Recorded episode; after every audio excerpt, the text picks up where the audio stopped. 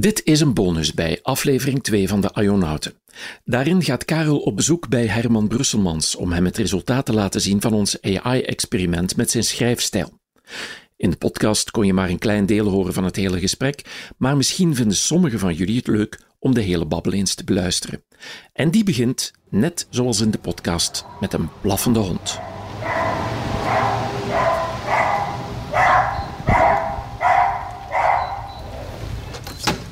Herman.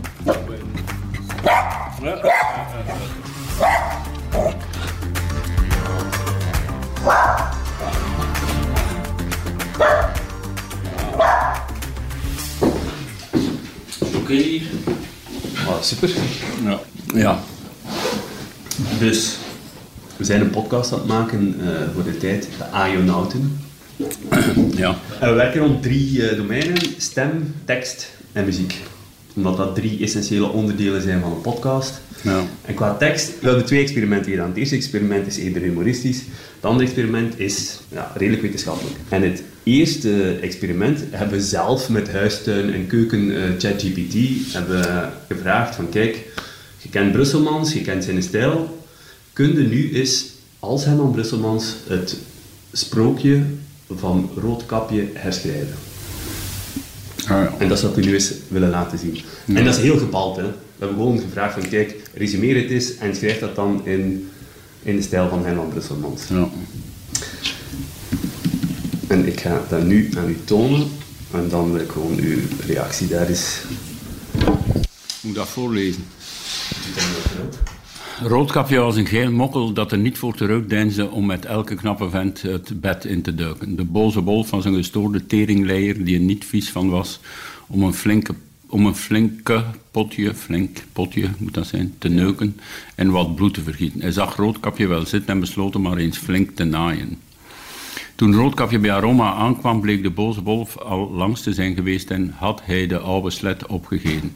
Hij lag nu te wachten op zijn volgende prooi. Maar Roodkapje was niet van plan om zich zomaar te laten opvreten door die vuile hond. Ze speelde het spelletje mee, maar wist uiteindelijk te ontsnappen en de wolf een flinke trap tegen zijn ballen te geven. De boze wolf, die zich had verkeken op de pit van Roodkapje, droop af met zijn staart tussen de poten. Roodkapje en haar oma leefden nog lang en gelukkig, terwijl de wolf zijn eentje zijn piemel lag te masseren. Het was een verhaal van geiligheid en geweld, van goed tegen kwaad en van slimheid tegenover brute kracht.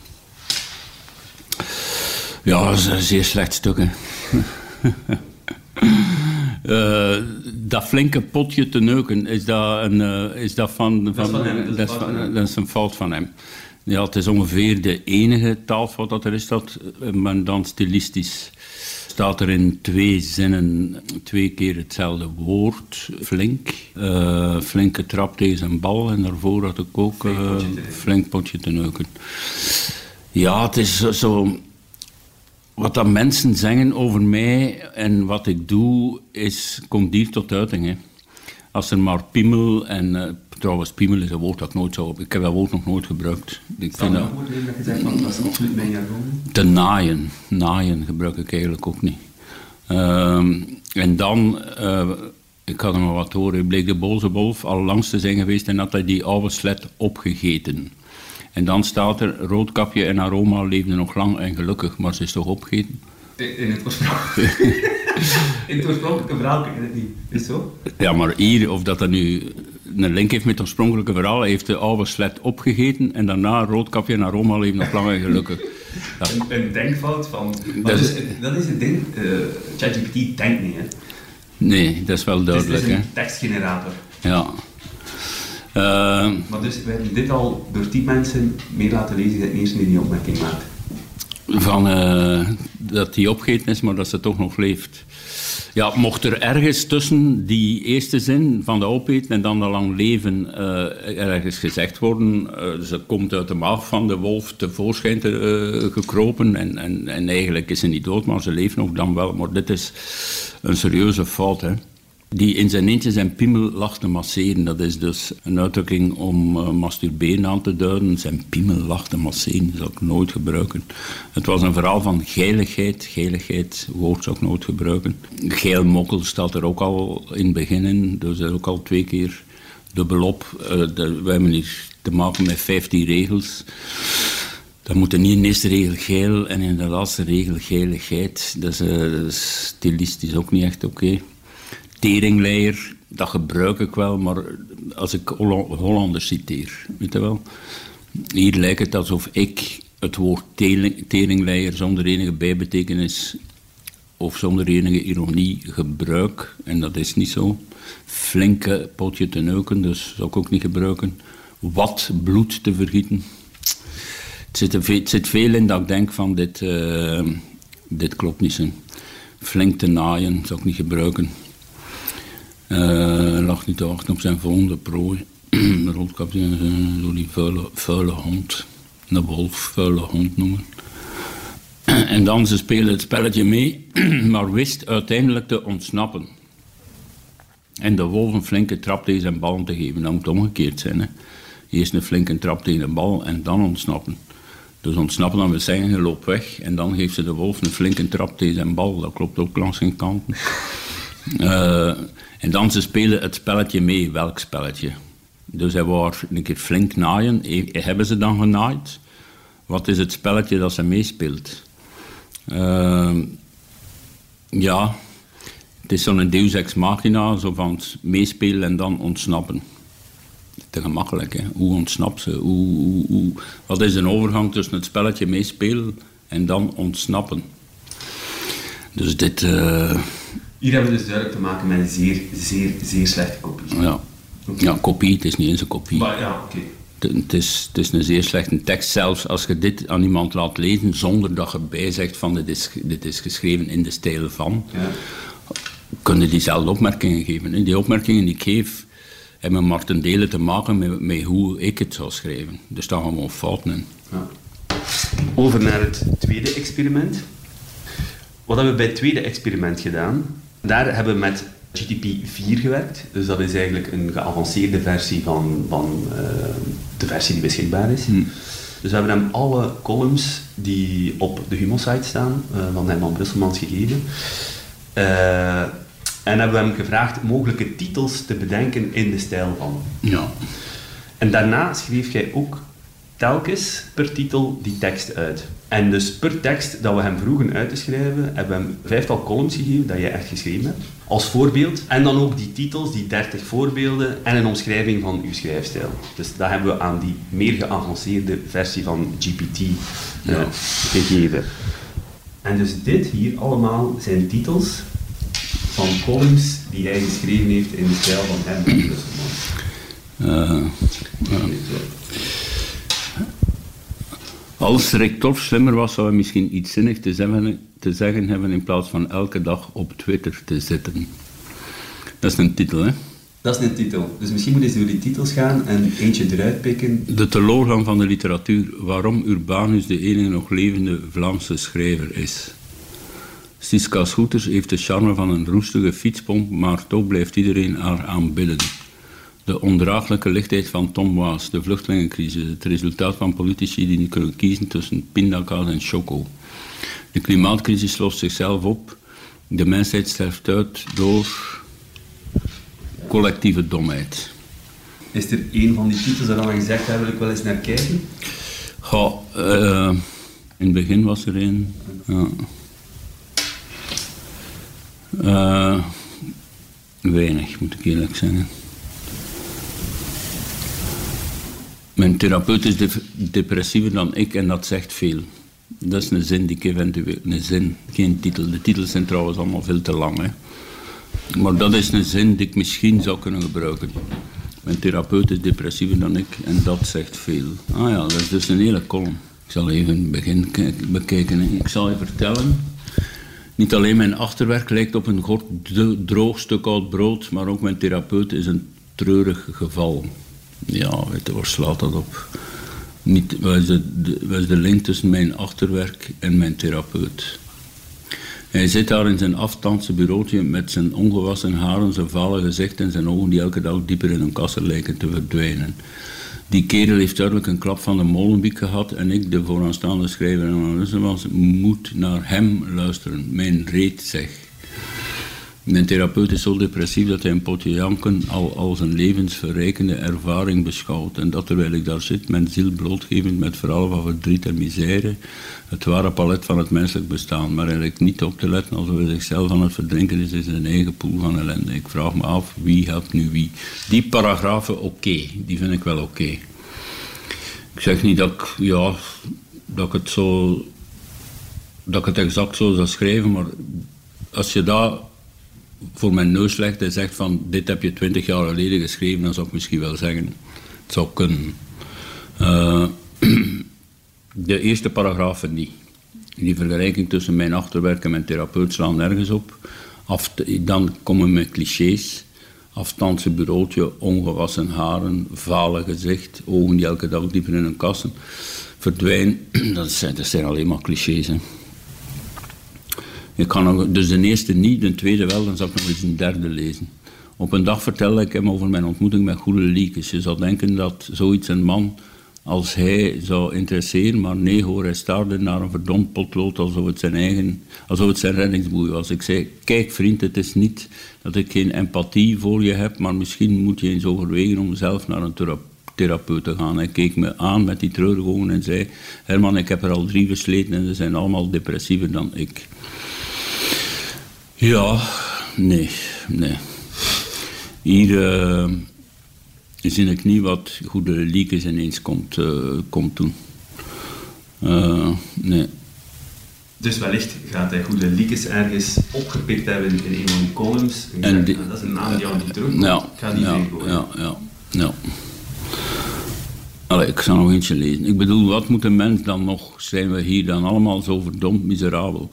Elke dag sleep ik mezelf uit bed, schrijf ik mijn geniale literaire meesterwerken en probeer ik de wereld te verrijken met mijn ongeëvenaarde talent. Maar wat krijg ik terug?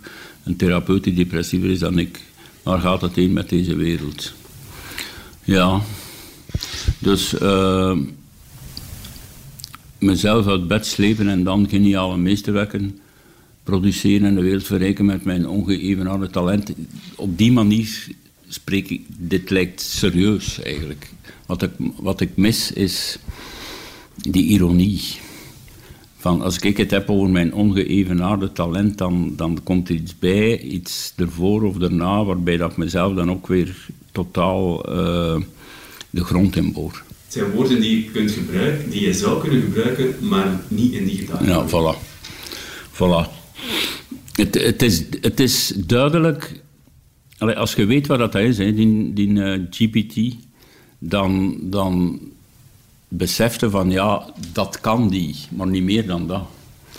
Dus uh, laten we zeggen dat alles wat daar naast de pure opsomming en, en, en, en, realistische observaties ligt, dat dat er niet in zit. Mijn liefdesleven is even turbulent als het klimaat in België. Dat is te simpel. Dat is te simpel. Dat is echt een vergelijking van een slechte schrijver. Ligt veel te veel voor de hand. Je zou kunnen zeggen, mijn liefdesleven is even turbulent als het klimaat in Zambia. Omdat de meeste mensen niet regent, is dat, dat regenseizoen, is dat er altijd warm, of hoe zit dat er eigenlijk? Dus snapte, dat is het verschil. Uh, Ironie is echt nog... Uh... Nee, als er één ding is dat je van het Belgische klimaat kunt zeggen, is het wel dat het onvoorspelbaar, turbulent en vaak verdomd onaangenaam is. Dat zijn drie dingen. Staat als je één ding kunt zeggen en dan worden er drie dingen op, opges, opgezomd. En cliché ook, het klimaat in België is onvoorspelbaar, turbulent en vaak verdomd onaangenaam. Een zonnige dag kan plotseling omslaan in een gitzwarte storm. En voor je het weet sta je tot aan je knieën in het water. Dat is ook niet waar, hè. Snapt? Ja, die alles wat je schrijft is waar, hè? Nee, maar als je...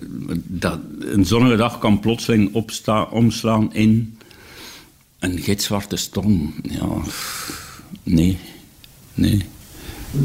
Wat, wat denkt je eigenlijk nu het meeste? Wat is de gedachte die, die u overvalt als, als, je, als je dit leest? Wel, niet de zijpaden, de zijpaden van, de, van, de, van het realistische woordgebruik worden niet ingeslagen. Je hebt dus geen ironie, je hebt geen sarcasme, je hebt geen humor. Hoewel dat die chat GPT denkt misschien, dit is humor. Hè. Hij denkt niet, hè? Nee, denkt niet. Of, of, of besluit, dit, is, dit soort humor moet erin. En dat zit er allemaal niet in. Hè. Dus je krijgt, uh, los van het feit dat dat als tekst op zich misschien wel nog iets kan voorstellen, maar niet op mijn manier. Ik zie daar, ik zie daar verschillende dingen in die, die niks te maken hebben met wat ik doe. En dat is, dat is uh, de lezer even uh, op zijn verkeerd been zetten, even verrassen, even denken van wow, waar komt dat vandaan?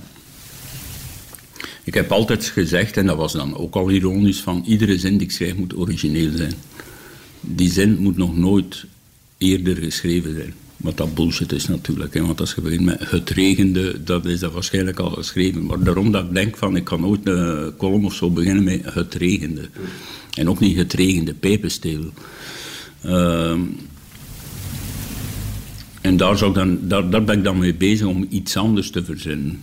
Weet, je, het regende water bijvoorbeeld. Dat is al. Dan doe je de lezer al nadenken van hoezo regende water. Natuurlijk regent water, wat zou het anders regenen, snapte? Ja, in het Engels heb je It's raining cats and dogs. Hier heb je Het regende oude wijven. Dat is trouwens de titel van mijn allereerste roman die ik ooit geschreven heb.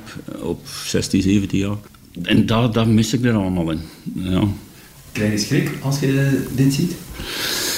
Als dat beter wordt, dan kun je zeggen dat het een uh, zware concurrentie is, die misschien voor schrijvers, die misschien wel leidt tot de dood van de literatuur. Want als je zegt binnen de seconde kan die, kan die dit ophoesten, klein, uh, kan die dit ophoesten, dan kun je zeggen als het beter wordt, en wat ik nu opsom, dat wat er niet in zit, ironie en sarcasme en humor en op verkeerd been zetten, als, als hij daarin slaagt, uh, of als ze daarin slaagt, de, de, AI, dan denk ik van, ja, ik denk het nu wel al een beetje, hè, van anticiperend op de toekomst van, heeft het nog wel zin om, uh, om romans te schrijven als, als, als een machine het kan. Maar uh, weet je wat er mij opvalt ook? Terwijl dat heel die evolutie bezig is, dat heel veel romans, ik lees niet alle romans natuurlijk, hè, maar dat heel veel romans gesitueerd worden in het nabije of verre verleden. Want als je nu een roman schrijft over nu, moeten al die dingen erin brengen. Wat bedoel je? Wel ja, je kunt niet een roman schrijven die speelt in 2023 zonder het te hebben over een gsm. Maar als je... Ik heb, ik heb ooit een, een, een, een drie boeken geschreven, drie thrillers, policiers eigenlijk. En dat was het probleem. Ik dacht van, als ik dat situeer, in, dat was toen 2018 of zo, dat ik die geschreven heb, dan moet ik rekening houden met al die technieken van, van onderzoekstechnieken, opsporingstechnieken. Ik heb geen zin om, dat, om mij daar allemaal in te verdiepen. Dus ik situeer het in 1961, toen dat ze niks anders hadden dan, dan vingerafdrukken eigenlijk. Dus dat was bewust vermijden van het hebben van kennis over deze tijd. Ja. Als, ik, als je nu een roman schrijft over... Allez, je hebt de cirkel. Uh, ik weet niet of je die roman kent, Dave Eggers. Heb je gelezen? Ja. Eigenlijk is die nu al verouderd. Omdat het misschien al een beetje waarheid geworden is of, of voorbijgestreefd wat hij daar ja, Voilà. Voorbijgestreefd is, is verouderd eigenlijk. Dus die AI komt er nog niet in.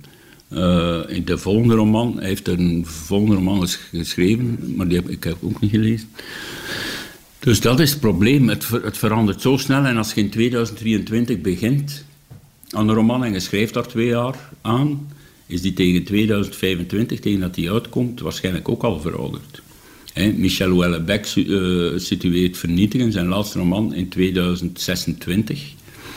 Ook al anticiperend van, we weten niet wat er dan zal gebeuren en brengt er een paar elementen in. Maar in 2026 ga, je misschien, dat is over drie jaar, dat is niks. Ga je die roman lezen, ik ben nu nog maar pas begonnen erin. Ga je die roman lezen en denken van, dit klopt niet meer. Ja, in 1984 dan, dan geen lezerswaarde meer? Die is echt uh, uitzonderlijk. Hè.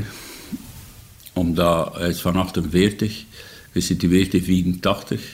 En daar komen dingen in voor die we, die we later overgenomen hebben. Hè. Big Brother bijvoorbeeld. Wat heeft hij gezegd in 1984? gaat uh, in, de, in de smiezen gehouden Big Brother. Die gaat alles weten van u. Dus dat is wel een roman die uitzonderlijk was en zodanig reputatie uh, gekregen heeft als dystopisch, als dystopie en als voorspellende roman, dat dat zodanig een klassieker is dat je er meer buiten kunt door, dan die als voorbeeld te noemen. Maar zo zijn er weinig romans. Er zijn enorm veel uh, toekomstromans geschreven met als bijvoorbeeld in de jaren 20 van over 50 jaar gaan de auto's vliegen. Wat dat dus niet waar is. Maar, uh, en waar je ziek mee lacht, wat dat ze toen allemaal voorspelden, wat dat er zal gebeuren. Maar nu hebben ze zoveel materiaal gekregen dat je veel, veel exacter gaat kunnen voorspellen wat dat er gebeurt, zouden denken, maar dat is niet waar. Als ik zeg, mijn teksten, dit zijn mijn teksten die die ChatGPT schrijft, maar die ChatGPT gaat ook niet in zijn bed blijven liggen. Hè. Die gaat zich ontwikkelen. Hè. En op het, pas op, ik sluit niet uit dat dat moment komt dat je mij dit laat lezen en dat ik zeg van, ja, die, is beter, die doet dat beter dan ik. Of dat je zegt, ik zet mijn handen onder? Ja, nee, dat zou ik nooit doen. Nee, nee. Maar of dat ik dat nog ga meemaken, dat moment, dat weet ik niet. Ik ben 65, het kan over tien jaar zijn, misschien zelfs vroeger. Maar als dat, als dat gebeurt, dan, dan ga ik op zijn minst zeggen, dit is de dood van mijn literatuur. En eigenlijk van de literatuur. Als, als er iets is, dat, als je, als een, een muur metselt, maar daarnaast wordt een muur gemetseld door uh, AI en die is tien keer beter en sterker en mooier, dan kun je toch zeggen, sorry, ik metsel geen muur meer. Er is iemand die het beter kan. Hetzelfde vroeger, als je iets deed, maar iemand anders doet, als je viool speelde, en een echte violist speelde dat, speelde dat honderd keer, hadden beter ook kunnen zeggen van, ik stop ermee. Ik heb dat gehad met drummen. Ik zag drummers, een drummer van Prince, drummer van Bruce Springsteen enzovoort. Ik was drummer en ik dacht van shit, ja, weet je wel, fuck it, ik kan dat niet, ik kan dat nooit kunnen. Ik heb wel nog een drumstel staan, daar niet van. Maar daar val ik niemand mee lastig. En in plaats van de drummer van Bruce Springsteen ten opzichte van mij als drummer, gaan we de AI hebben ten opzichte van mij als schrijver. En dan moeten we op een bepaald moment besluiten.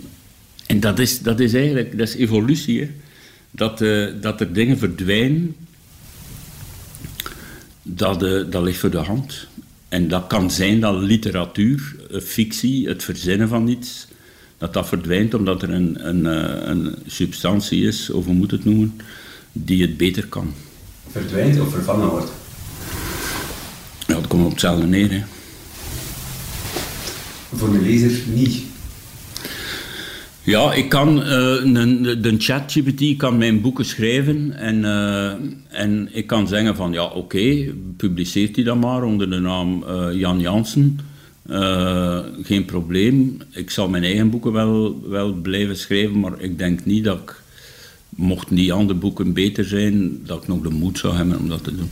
Is niet de levensverzekering daarvan, van de literatuur, dat er mensen zoals jij zijn, die meningen hebben en die, die kunnen verkondigen, op tv kunnen komen, die hun waar zelf aan de man kunnen brengen? Ja, ten eerste, tv is ook een dood medium. En ten tweede, uh, wie zegt al dat die eh, AI dan niet beter kan? Niet alleen dat schrijven, maar ook dat performen. Als je ziet, ze kunnen avatars ze kunnen een avatar gebruiken die op mijn manier dingen zegt op tv, waarbij dat iedereen zegt, ja, dat is tien keer beter dan die, dan die langharige sukkel met zijn leren vestje aan, weet je wel. Uh, dat kan allemaal. Dus eigenlijk muziek ook, muziek. Volgens mij kan die AI eh, tien keer meer hits schrijven dan om het wie. Plus, een belangrijk element is, je kunt zeggen van AI schrijft een boek uh, in uw stijl. Jij schrijft ook een boek in, in, in mijn stijl. Die kunnen gerust naast elkaar bestaan. Maar ik moet er wel een jaar aan bezig zijn, terwijl die AI eh, in dat jaar 500 boeken in mijn stijl publiceert. Of, of, of schrijft. Dus,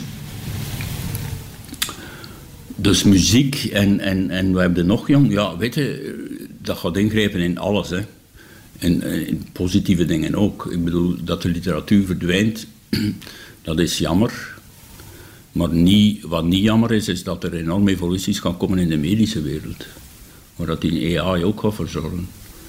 Uh, en dan ja, worden de dokters dan afgeschaft. Ja, die gaan het ook moeilijk hebben. Hè, want die AI gaat, veel beter opereren dan, uh, of veel beter diagnosticeren dan die dokter.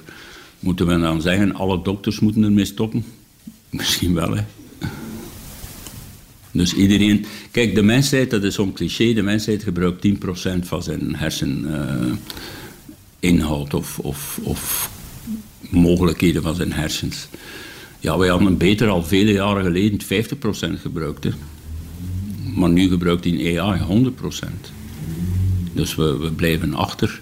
En wat is dan de ultieme toekomst? Ja, AI kan ook zorgen voor oorlogen. AI kan zeggen van, uh, kan, kan de kiezers zodanig indoctrineren door te zeggen, je moet allemaal op die stemmen. Iedereen trapt erin, ze stemmen op die. En je zit met een dictator die dan een oorlog begint met wat dat er in de werkelijkheid door de eeuwen heen ook bestaan heeft.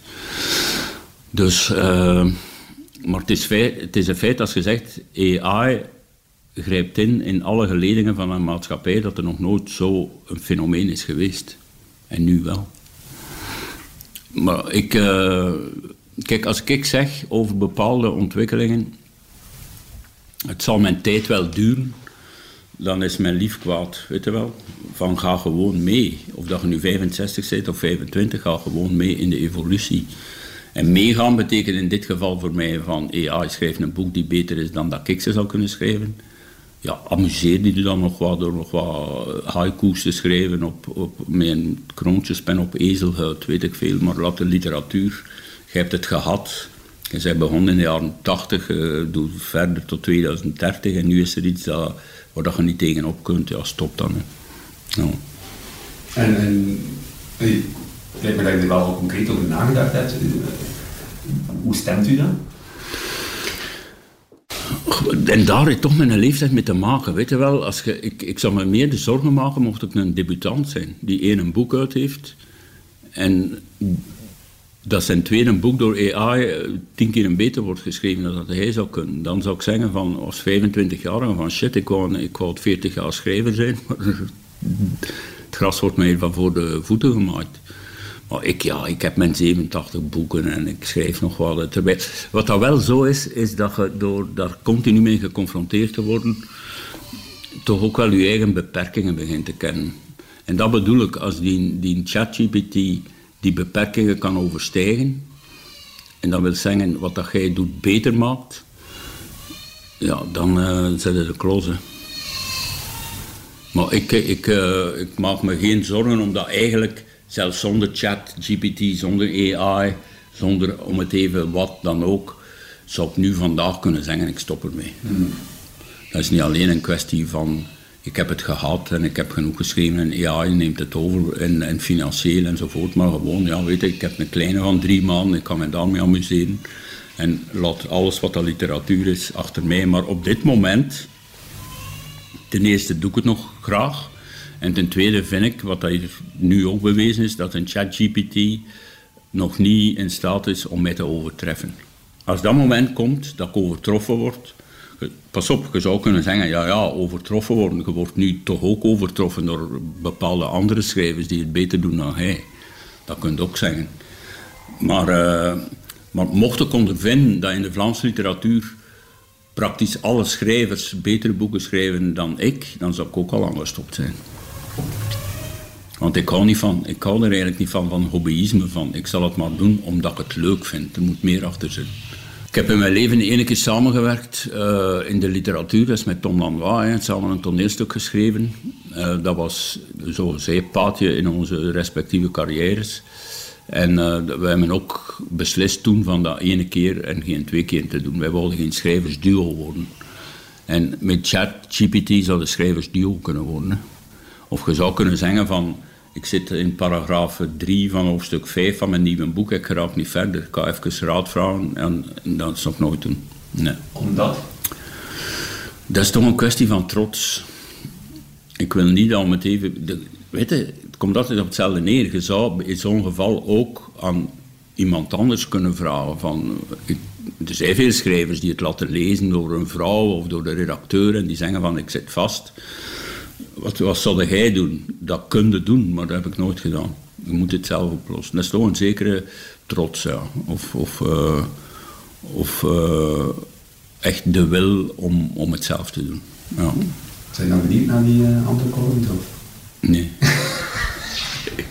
Is dat? Nee, totaal niet.